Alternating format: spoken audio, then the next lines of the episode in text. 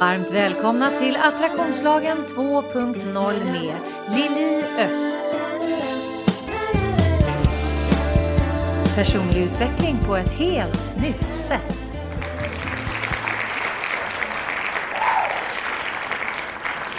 Varmt välkomna till podden. Det är så härligt att du lyssnar.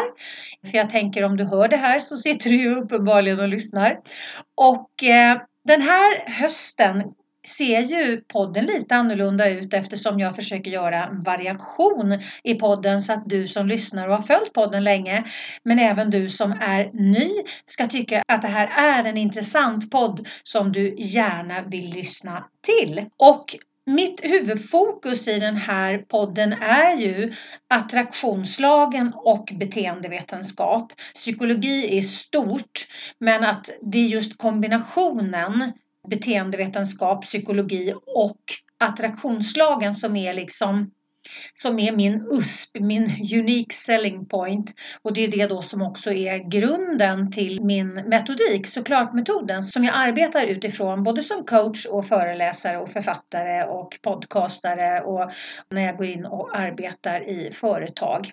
Och det är ju just det här mötet som är så otroligt spännande för att man får insikt om så mycket saker som man kanske inte ens har tänkt på att de hänger ihop tidigare. Och av den anledningen också så kommer ett program i månaden att handla just om spännande forskning, eh, vetenskap, både när det gäller hjärnan och beteenden och attraktionslagen.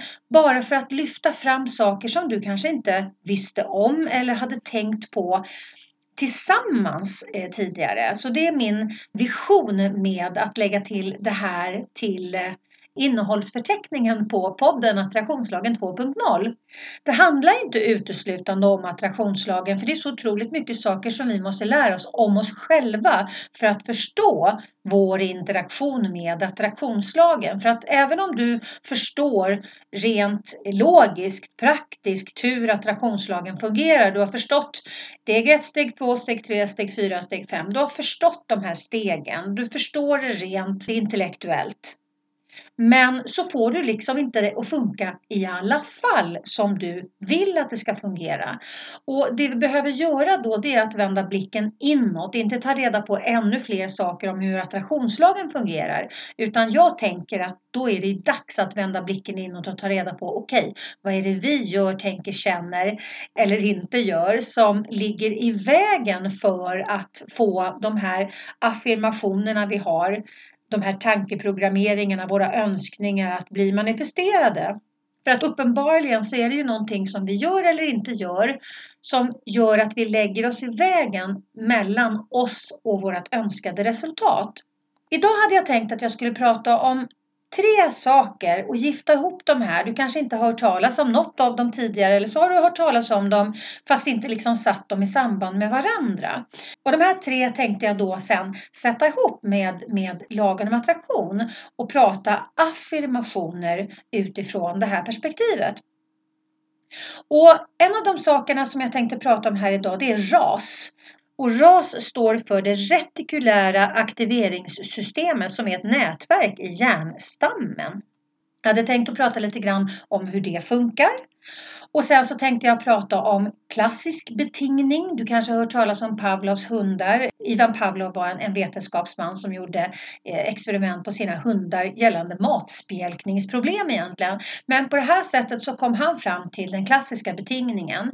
Och sedan också prata om operant betingning. Den klassiska betingningen och operant betingning är två skilda saker även om det handlar, båda handlar om en betingning. Det, alltså, det handlar om inlärning. Och sen så ta ett varv med de här tre sakerna genom då mina såklart glasögon där jag blandar in attraktionslaget.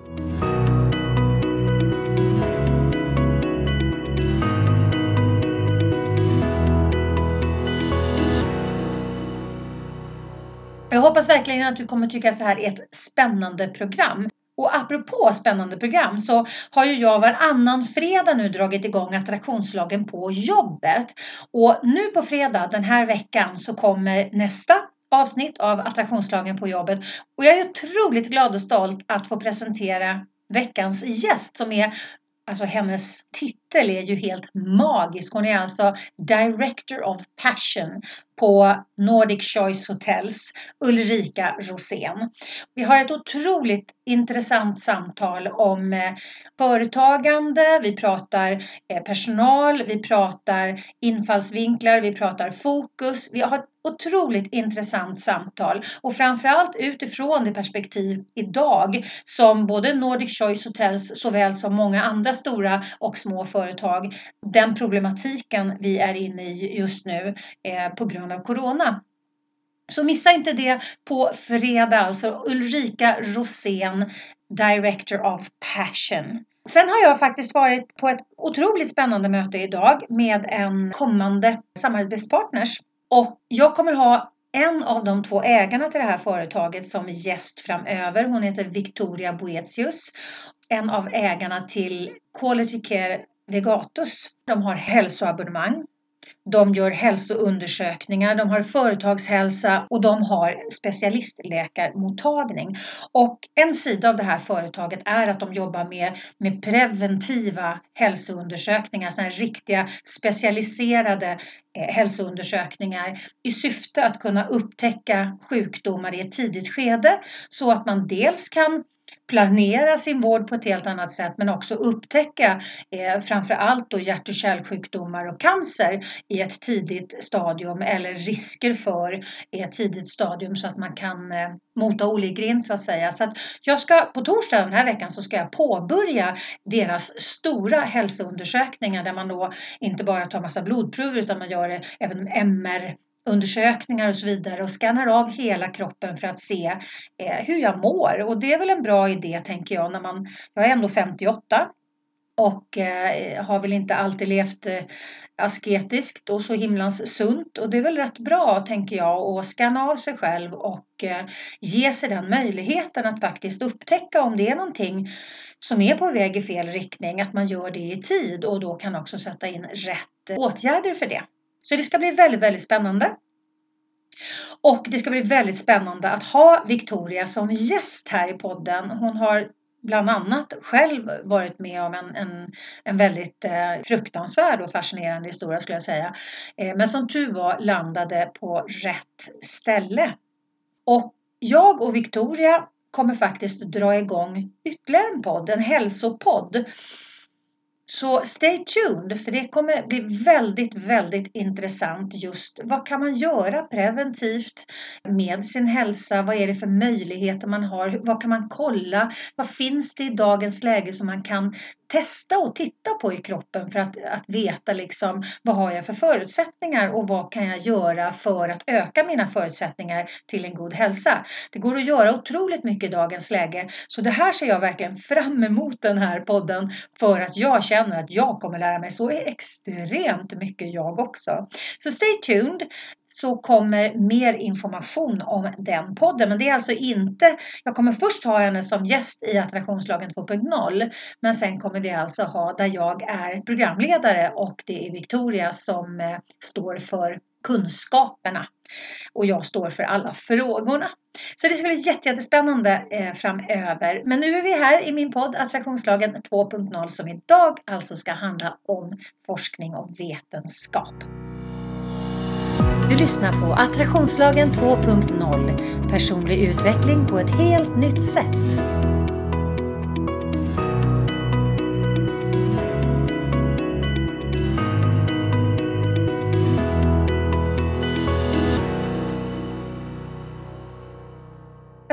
Att jag skulle börja lite grann och prata om det här RAS, det retikulära aktiveringssystemet som då är ett nätverk i hjärnstammen. Och RAS sköter då massa olika funktioner i kroppen, till exempel eh, sömn och motivation och andning och så vidare och, och även filtrering av information. Och vi är så extremt matade i varje sekund i våran vakna eh, tid eh, av information.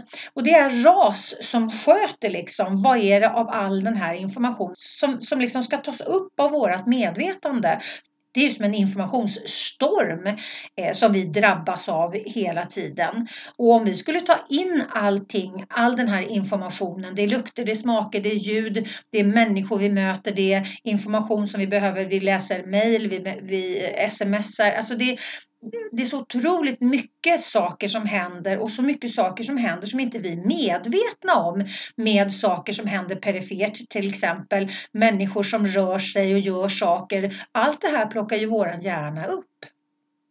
Men RAS alltså bestämmer vad av den här informationsstormen som faktiskt tas upp av vårat medvetande. Och vi kan ta ett enkelt exempel. Du är på fullproppad flygplats någonstans i världen och det här var väl kanske då ett exempel som är mer lämpat innan covid. Men ta det i alla fall. Och trots alla människor Alltså det är så otroligt mycket människor. Det är mycket saker som händer. Människor pratar med varandra. Det är massa information som slängs fram och tillbaks hela tiden. Men trots all den här informationen så lyckas du upptäcka någon som du känner i den här enorma anstormningen av information. Och då är det ditt RAS som hela tiden scannar igenom vad är, vad är det för information som mest skulle vara troligt att det är liksom av vikt för dig. Och eftersom det då blir en igenkänning för att det är någon som, som du har sett tidigare och då finns det i din filtrering, i din rasfiltrering, att det här är någonting som du känner igen och då, då tolkar hjärnan det som att det här är av vikt för dig och då ser du den här personen som liksom bara står ut bland alla miljontals människor som bara springer omkring då på flygplatsen. Jag kommer ihåg när jag skulle skaffa min förra bil, jag har leasingbil och jag bestämde mig för att jag skulle ha en röd bil. För jag tänkte att röda bilar är inte så många som har. Så jag skaffade en röd bil och i och med att jag skaffade mig den här röda bilen så helt plötsligt så började jag se röda bilar, ta mig fan, överallt.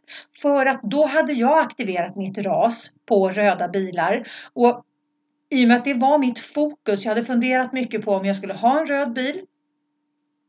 Och eh, jag tänkte att det var en bra idé eftersom det inte fanns så många där, vilket gjorde att jag väckte ju liksom eh, den jag öppnade ju upp den informationsvägen eh, till min hjärna genom då mitt ras som då började plocka upp röda bilar överallt. När vi fokuserar på någonting så öppnar vi ju upp vårt medvetande om det och vi börjar se saker som hör ihop med det kan man säga. Så vad händer då om du tänker då att vi har det här äh, RAS som är aktivt och det vi matade med hela tiden, det plockade upp, alltså ju mer du, du upprepar den informationen, ju mer adekvat tänker ju hjärnan att det här är för dig och ju mer öppnar den upp vårt synfält för att vi ska lägga märke till alla de här sakerna som matchar då det här som vi matar med hela tiden. Men ponera nu att du är väldigt duktig på att till exempel måla fan på väggen, eh, ta ut oro i förskott, hela tiden fokusera på de här sakerna som inte fungerar, på de sakerna du inte vill ha. Om det är det som hela tiden återupprepas i ditt fokus, då blir ju det också ditt rasfilter tänker jag, att det filtret slår på och öppnar upp ögonen för ännu mer av det här som du fokuserar på så att du ska få den här eh, aktuella informationen som du har talat om för din hjärna att det här är den typen av information som jag vill ha in i mitt liv. Så om du då tänker på hur din hjärna funkar. Och, och, och vår hjärna fungerar ju också på det sättet att den tar emot allt vi matar den med som fakta. Den är ju inte värderande på det, på det sättet utan om vi är någonting som vi håller på och upprepar hela tiden då sätter det sig liksom i våran ryggrad. Så att det är två funktioner. Dels gör vi det, att vi lär oss, lär oss att det här är sanningen inom situationstecken och dessutom då det här rasfiltret då som, som eh, körs på som, som också talar om att det här är vital information. Det här är saker som du ska uppmärksamma för det hör ihop med ditt fokus. Du hör säkert själv att det här leder inte dig i rätt riktning om man tänker på hur attraktionslagen fungerar. För attraktionslagen fungerar, det du fokuserar på växer. Så att om du med tanke och känsla har fokus på de sakerna som du absolut inte vill ha i ditt liv, då är ju det rasfiltret slå på och se till att du verkligen plockar upp all information som handlar om det här som du absolut inte vill ha i ditt liv. Och det blir mer av det som du drar till dig mera av om man tittar på det ur ett attraktionslagen perspektiv. Eftersom det du fokuserar på, det drar du till dig mera av. Vi får både en, en kemisk reaktion i vår hjärna som då påverkar vårt rasfilter plus att vi får en vibrationell reaktion utanför oss själva i biofältet utanför oss själva som då som gör att vi lägger oss på en låg negativ frekvens i och med det här fokuset och börjar dra till oss det som ligger på samma vibrationsfrekvens och sänder.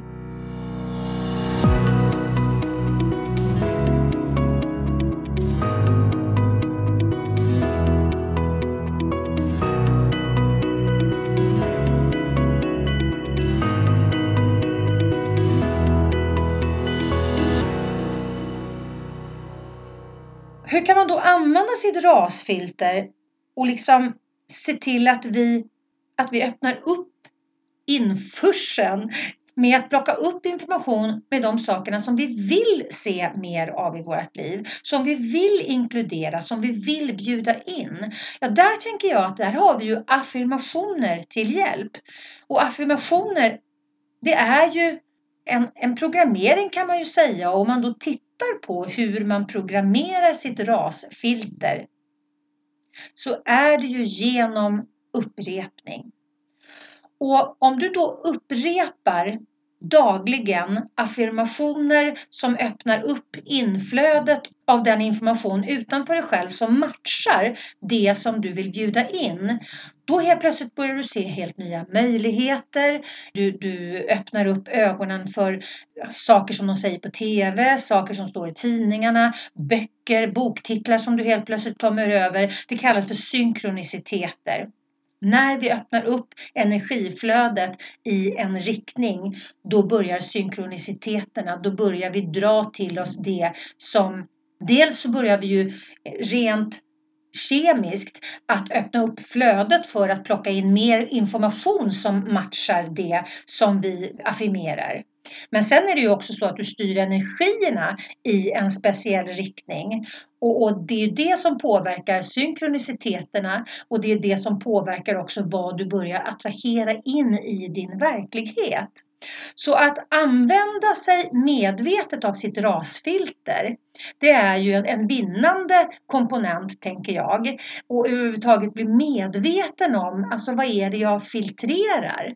Vad är det jag filtrerar bort? Om vi har ett konstant negativt fokus, då är det ju mer av det som vi ser och vi filtrerar bort de positiva sakerna för det är ju inte av vikt enligt våran hjärnas tolkning av det vi vill dra till oss mera av eftersom vi har fokus på någonting som är negativt hela tiden.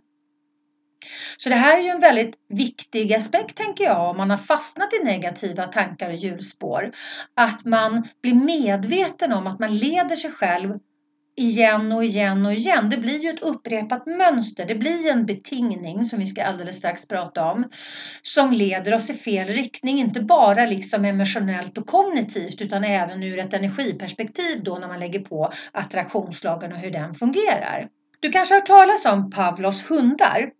Och det är ett begrepp som eh, kommit av de eh, psykologiska experiment som vetenskapsmannen Ivan Pavlov gjorde på sina hundar. Egentligen så av en slump så upptäckte han betingning för att han, han eh, forskade på sina hundar gällande matspjälkning och salivtillströmningen när eh, de fick olika typer av mat. Och han upptäckte av en slump som sagt att när han ringde i en klocka innan maten, så när han hade gjort det några gånger så upptäckte han att salivtillströmningen började redan när han ringde i klockan. Han hade alltså skapat en betingning. För att från början då så, så var det ju maten som skapade eh, salivtillströmningen på hundarna. Men efter han hade börjat ringa i klockan innan de fick mat så började alltså saliven eh, strömma till redan vid klockringningen. Vilket har, gjorde ju då att han hade ändrat beteendet på hundarna. Från att få ett stimuli och sen så en respons så, fick han, så ändrade han stimulit och fick en, en respons på, på ett annat stimuli så att säga. Och grejen var också att efter ett tag när han hade upprepat det här så blev det ju så att så fort hundarna hörde klockan så började ju deras salivtillströmning. De hade ju liksom lärt sig att eh, när klockan ringer så betyder det mat och så körde deras salivtillströmning igång. Och så vad åstadkom då Pavlov med det här experimentet? Jo, hundarna fick associera stimuli 1 som var maten med stimuli 2 som var klockan. Och därefter så skapade klockan en respons som då var utökad salivproduktion. Och som jag sa innan då så, så eh, från början så hade ju det bara utlösts då av maten. Han skapade alltså då ett bete en beteendeförändring hos hundarna från att gå ifrån att maten utlöste saliven till att ljudet gjorde det. Man pratar också om utsläckning och syftet då med den klassiska betingningen är ju då att, att hjälpa individer att, att förändra någonting. Men vad händer då om inte inlärningen plötsligt stämmer? Om vi tar hundarna igen då till exempel. Om, om, när de då under upprepade gånger då fick vara med om att inte det kom någon mat trots klockan. Då försvinner associationen mellan de här två stimuli, mat och klocka. Och då försvinner också den inlärda responsen, alltså den ökade salivproduktionen. Om du tittar då i ditt eget liv, om man tittar då utifrån rasfiltret så att säga, vad är det för någonting som du associerar? Vi kan ta ett enkelt exempel. Ni har fredagsmys i familjen.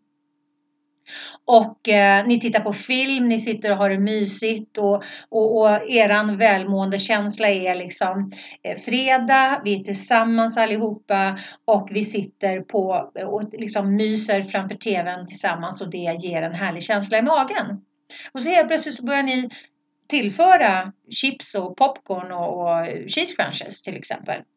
Och rätt fort så blir ju det här en betingning att mys på fredagen i tv-soffan behöver innefatta cheese crunches, eh, chips eller popcorn för att verkligen få den här härliga känslan. För ni har lagt till ett stimuli och när ni då upprepar att lägga till det här stimulit så kommer det som från början var vara tillsammans, sitta i tv-soffan och mysa är lika med härligt så blir det helt plötsligt att äta mumsiga saker i tv-soffan tillsammans ger den här eh, sköna känslan. Så att då helt plötsligt har man ju liksom förflyttat mysfaktorn och lagt till en eh, komponent, ett stimuli för att det här ska verkligen falla väl ut. För att när man väl sitter där och myser i soffan med de här eh, goda sakerna så blir ju det, ja men om du, du ska gå tillbaks som det var då kan ju det kännas lite fattigt eftersom du har kopplat ihop i din hjärna att eh, du har lagt en betingning på att mys på fredagen betyder också det här mysiga maten. Det är ju en, en klassisk betingning. Hamnar du lätt i negativa tankemönster?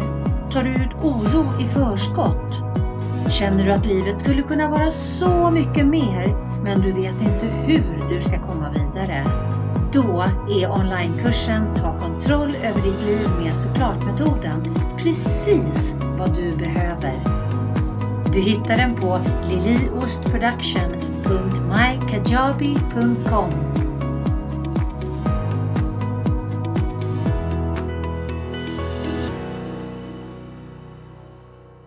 Och om du då tittar på vad kan du ha för betingning i ditt liv om du tittar på de sakerna som är både positiva och negativa tänker jag. Men om vi fokuserar lite grann på de negativa sakerna. Som om du tänker efter ordentligt. Har du någon betingning som leder dig i fel riktning och som leder dig rent emotionellt i fel riktning så att du har en negativ betingning som påverkar vilken frekvens du ligger och sänder på och vad du blir för attrahent, vad du ger attraktionslagen att spegla. Ja, men vi kan ta ett nytt exempel. Din partner kommer hem, är sur och tvär. Han eller hon är trött och det har hänt någonting på jobbet tar ut det här över dig. Och det här händer några gånger. Vilket betyder att det här blir en betingning i dig. Så att då blir det ju så att när din partner kommer hem ifrån jobbet och är sur och grinig.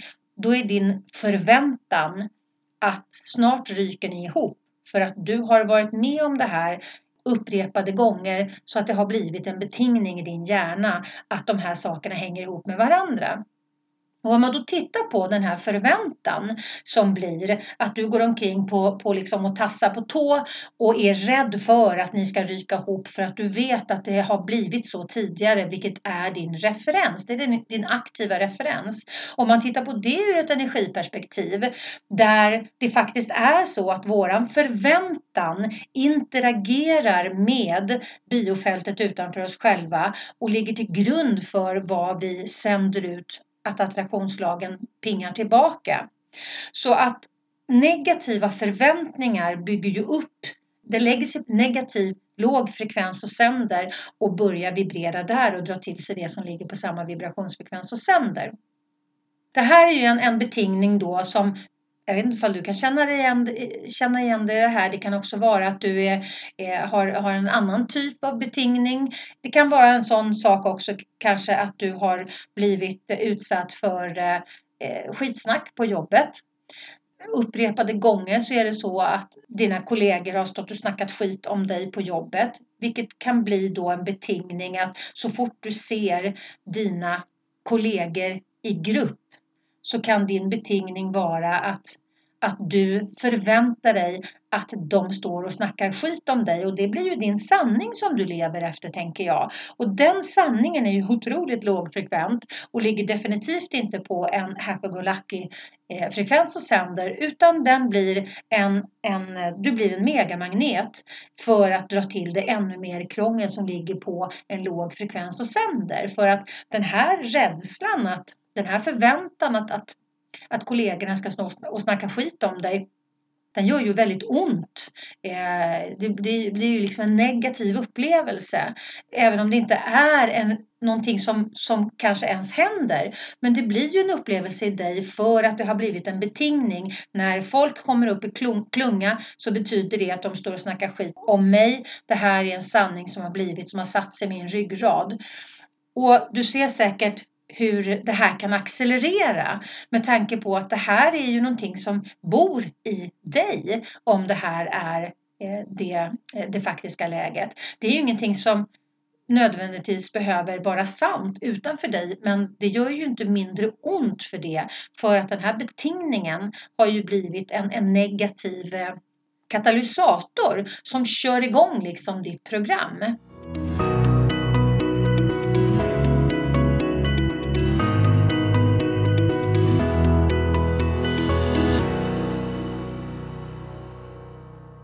Och om man då återigen tar, tar tillbaks den, den här betingningen till ras eh, där det vi upprepar många gånger avgör vilken typ av filter som blir aktivt i oss och vad vi tar emot för information. Ja, då börjar vi plocka information och, utifrån det perspektivet. Och det kan ju bli att vi läser in massa saker mellan raderna som absolut inte är sant men det blir sant i oss beroende på vilket filter vi har satt på oss och hur, det, alltså hur hur eh, verkligheten filtreras genom det här rasfiltret och då också vad vi har för eh, referensramar och vad det är som vi har betingat eh, för reflex i oss själva. Det finns ju också någonting då som heter eh, som kallas för operant betingning. och eh, B.F. Skinner som var en psykolog och författare som var känd för sitt banbrytande arbete inom experimentell psykologi och en stor förespråkare av behaviorism han skrev ett antal böcker, bland annat om operant betingning. Och mycket av hans forskning har varit grundläggande för senare utveckling av eh, KBT till exempel. Och B.F. Skinner han menade att de konsekvenser ett beteende får avgör om vi kommer att utföra beteendet igen eller inte. Vi tar ett exempel om eh, just operant betingning. Tänk att du till exempel eh, går fram till en läskautomat och så tar du upp en 10 krona och så stoppar du den i automaten. Då utför ju du ett beteende. Som respons på det beteendet så får du en läsk av automaten, vilket som du uppskattar. Eftersom beteendet då ledde till någonting som du gillade så är chansen stor att du kommer upprepa det här beteendet igen. Och Skinner menade då att ditt beteende har blivit förstärkt. Tänk nu istället att du tar din 10 krona och så stoppar du den i automaten men den låser sig och du får inte ut någon läsk. Du har ju utfört ett beteende men du har inte fått ut någonting bra av det. Så chansen att du ytterligare en gång kommer att stoppa en 10 krona i den här automaten den minskar ju därför. Och operant betingning baseras på effektlagen. Beteenden som leder till ett önskvärt resultat ökar i frekvens medan beteenden som leder till ett icke önskvärt resultat avtar eller slutar helt. Och när ett beteende leder till ett önskvärt resultat så säger man att det beteendet har blivit förstärkt. Och förstärkningar gör att vi mer frekvent utför det beteendet. Men om ett beteende istället leder till ett icke önskvärt resultat så blir vi mindre benägna att utföra beteendet igen och då säger man att beteendet har blivit bestraffat. Förstärkningar ökar chansen på att, att man upprepar beteendet och bestraffningar minskar chansen att man upprepar beteendet. Förstärkningar är alltså önskvärda konsekvenser som följer efter vårt beteende. Det önskvärda resultatet kan uppstå på två olika sätt. Det kan tillkomma något som man vill ha eller så är det någonting som man inte vill ha som försvinner. Oavsett vilket så uppskattar vi konsekvensen. När något som vi vill ha tillkommer så säger vi att beteendet blir positivt förstärkt återigen, om vi tar ett exempel då, när vi tränar hundar och säger åt dem att sitta så ger vi dem godis när de har utfört ett korrekt beteende. Då ger vi alltså hunden en, en positiv förstärkning, någonting bra tillkommer. Och chansen då att hunden upprepar det här ökar. När vi istället ska lära vår hund att sitta bredvid oss så har vi kopplet spänt ända till hunden sätter sig ner och då släpper vi. Att sitta ner leder till att den obehagliga spänningen i kopplet tas bort och det är alltså hunden ett önskvärt resultat och därför ökar chansen att hunden återigen kommer att sätta sig ner på kommando. Man säger då att beteendet har blivit negativt förstärkt eftersom det är någonting som inte hunden gillar som har tagits bort. Bestraffningar är förstärkningarnas motsats när de ger oönskade konsekvenser som följer efter vårt beteende. Och när vårt agerande leder till resultat som vi inte gillar, då säger vi att beteendet har blivit bestraffat. Och det finns två olika typer av bestraffningar. Positiva, där någonting som vi ogillar tillkommer och negativa, där någonting som vi gillar tas bort. Och om du då tänker att du har ett barn som har betett sig dåligt mot sitt yngre syskon, till exempel under middagen, då kan eh, du som förälder välja att bestraffa ditt barn genom att skicka upp ungen på, på rummet. Rumsarrest eh, tillkommer, vilket barnet inte gillar. Föräldrarna har alltså positivt bestraffat barnet och chansen att beteendet återkommer har ju då minskat. Föräldrarna kan också välja att bestraffa barnet genom att ta bort efterrätten den dagen. I det här fallet har föräldrarna använt sig av negativ bestraffning då någonting som barnet tycker om tas bort. Resultatet blir dock detsamma oavsett vilken typ av bestraffning man använder. Förekomsten av beteendet minskar. Så kortfattat så kan man säga att förstärkningar är konsekvenser som vi gillar medan bestraffningar är något som vi ogillar. När vi säger att en förstärkning eller en bestraffning är positiv så innebär ju inte det att, att den är bra utan att det är någonting som tillkommer. När vi säger att en förstärkning eller en bestraffning är negativ så innebär det inte att den är dålig utan det är någonting som tas bort. Så positiv förstärkning, det är något som vi gillar som, som tillkommer och som ger ett önskvärt resultat. Positiv bestraffning, det är någonting som vi ogillar som tillkommer och ett icke önskvärt resultat. Och negativ förstärkning, någonting som vi ogillar tas bort och ger ett önskvärt resultat. Och negativ bestraffning, någonting som vi gillar tas bort och ger ett icke önskvärt resultat. På min nya hemsida www.liliost.se hittar du massor av matnyttig information både för dig som privatperson såväl som för er som företag. Du hittar mina onlinekurser och vad som är på gång och aktuellt just nu. Du kan köpa mina böcker signerade direkt ifrån mig och du hittar min musik, bland annat vignettmusiken till podden. Och under fliken gratis, där hittar du nedladdningsbara pdf och minikurser som kan hjälpa dig att lyfta ditt liv till nästa nivå. Om man vill lära någon annan ett, ett nytt beteende så är det alltid mer önskvärt att använda sig av förstärkningar på grund av två orsaker faktiskt. Det, det första är att bestraffningar endast talar om för individen hur den inte ska bete sig. Det säger ingenting om hur man ska bete sig. Och det andra är att individen ofta kopplar ihop bestraffningen med den person som utfärdar den, alltså den här klassiska betingningen. Och då kan ju förhållandet mellan personerna bli lidande på kuppen, tänker jag. Och en tredje aspekt är ju att om man tittar då på hur attraktionslagen fungerar, att lika attraherar lika, så är ju en positiv förstärkning alltid av godo eftersom det är mer högfrekvent än en negativ bestraffning som är negativ och lågfrekvent.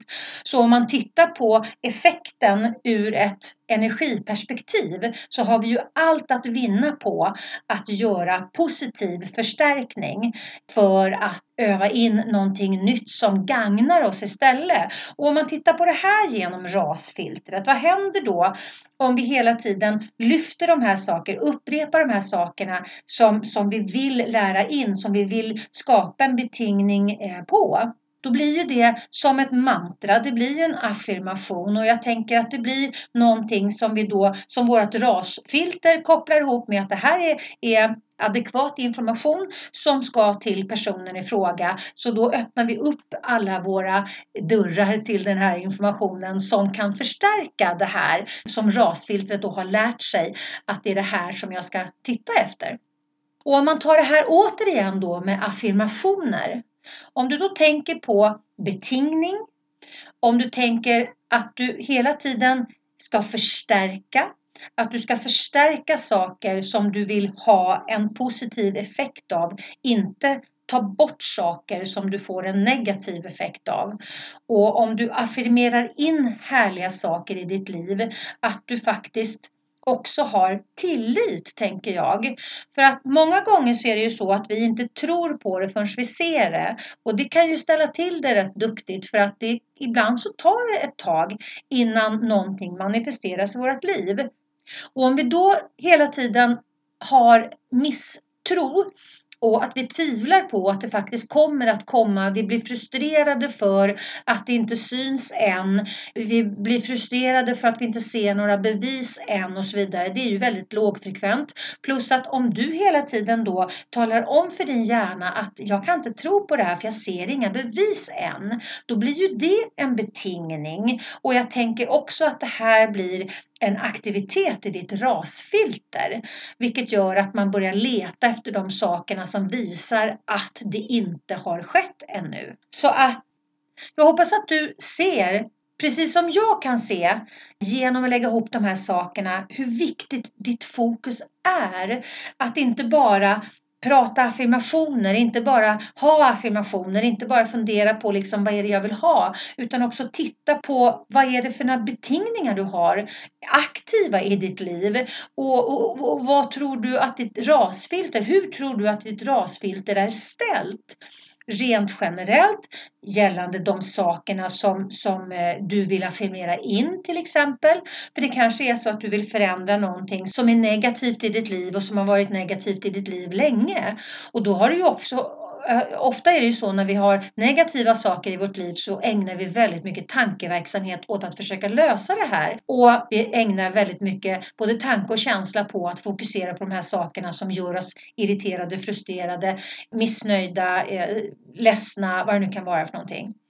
Och om vi då tittar på hur mycket vi har haft fokus på det här som vi vill förändra, den här kumulativa energin som är liksom bakom det som vi vill eh, förändra. Då, då kanske vi blir lite mer medvetna om, vänta nu här, jag har massa processer som är igång i mig som jag behöver eh, sakta ner och byta fokus på och skapa andra betingningar och börja liksom jobba med mitt rasfilter på ett helt annat sätt för att jag överhuvudtaget ska kunna hjälpa mig själv att göra den förändringen inuti mig själv som ligger till grund för att mina affirmationer ska få kraft och manifesteras.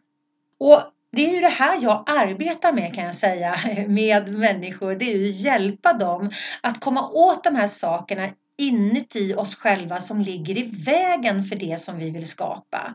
För att många gånger är det ju inte så att vi, vi inte vet vad vi vill ha för någonting. Men vi har ingen koll på hur mycket vi har i oss själva som faktiskt går stick i stäv med det. För att vi har liksom programmerat in andra processer i, som ligger aktiva. Och, och, om du går in på datorn till exempel så finns det någonting som heter aktivitetshanteraren.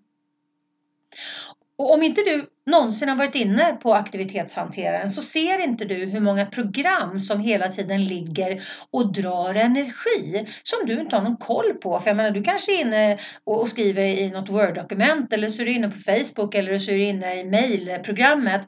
Men bakom de här sakerna så ligger ju hela tiden processer aktiva eller om du till exempel startar upp datorn och du inte har någon koll på vad är det för någonting som autostartas när du öppnar datorn. Det kan du ju gå in på aktivitetshanteraren och så kollar du på eh, autostart. Och, och där ser du hur många av dina program som per automatik dras igång så fort du drar igång din dator. Och det här kanske är saker som, som inte du har programmerat in utan det här ligger by default i de programmen. Och det du behöver göra det är ju liksom gå in och, och avsluta så att inte de dras igång när du startar din dator. Det här är ju väldigt tydligt och klart. Du kan gå in på datorn och kolla. Du fattar när du ser, okej, okay, aha, är det så här många processer? Ligger alla de här programmen öppna och bara liksom drar kraft medan jag sitter och mejlar och tror att det är det enda programmet som är uppe? Precis på samma sätt funkar vi. Vi har otroligt mycket aktiva processer som ligger och drar massa energi som vi inte är medvetna om bakom det som är, det som vi har att förhålla oss till här i vår verklighet, i vårt nu.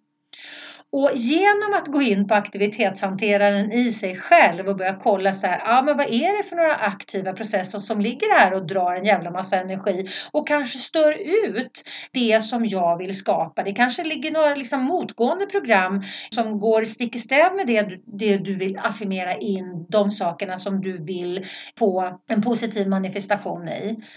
Och om inte du då är medveten om de här inre aktiva processerna, hur sjutton gubbar hur ska du då kunna förstå varför det du vill ha inte kommer till dig?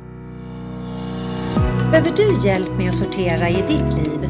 Kontakta mig på www.liliost.se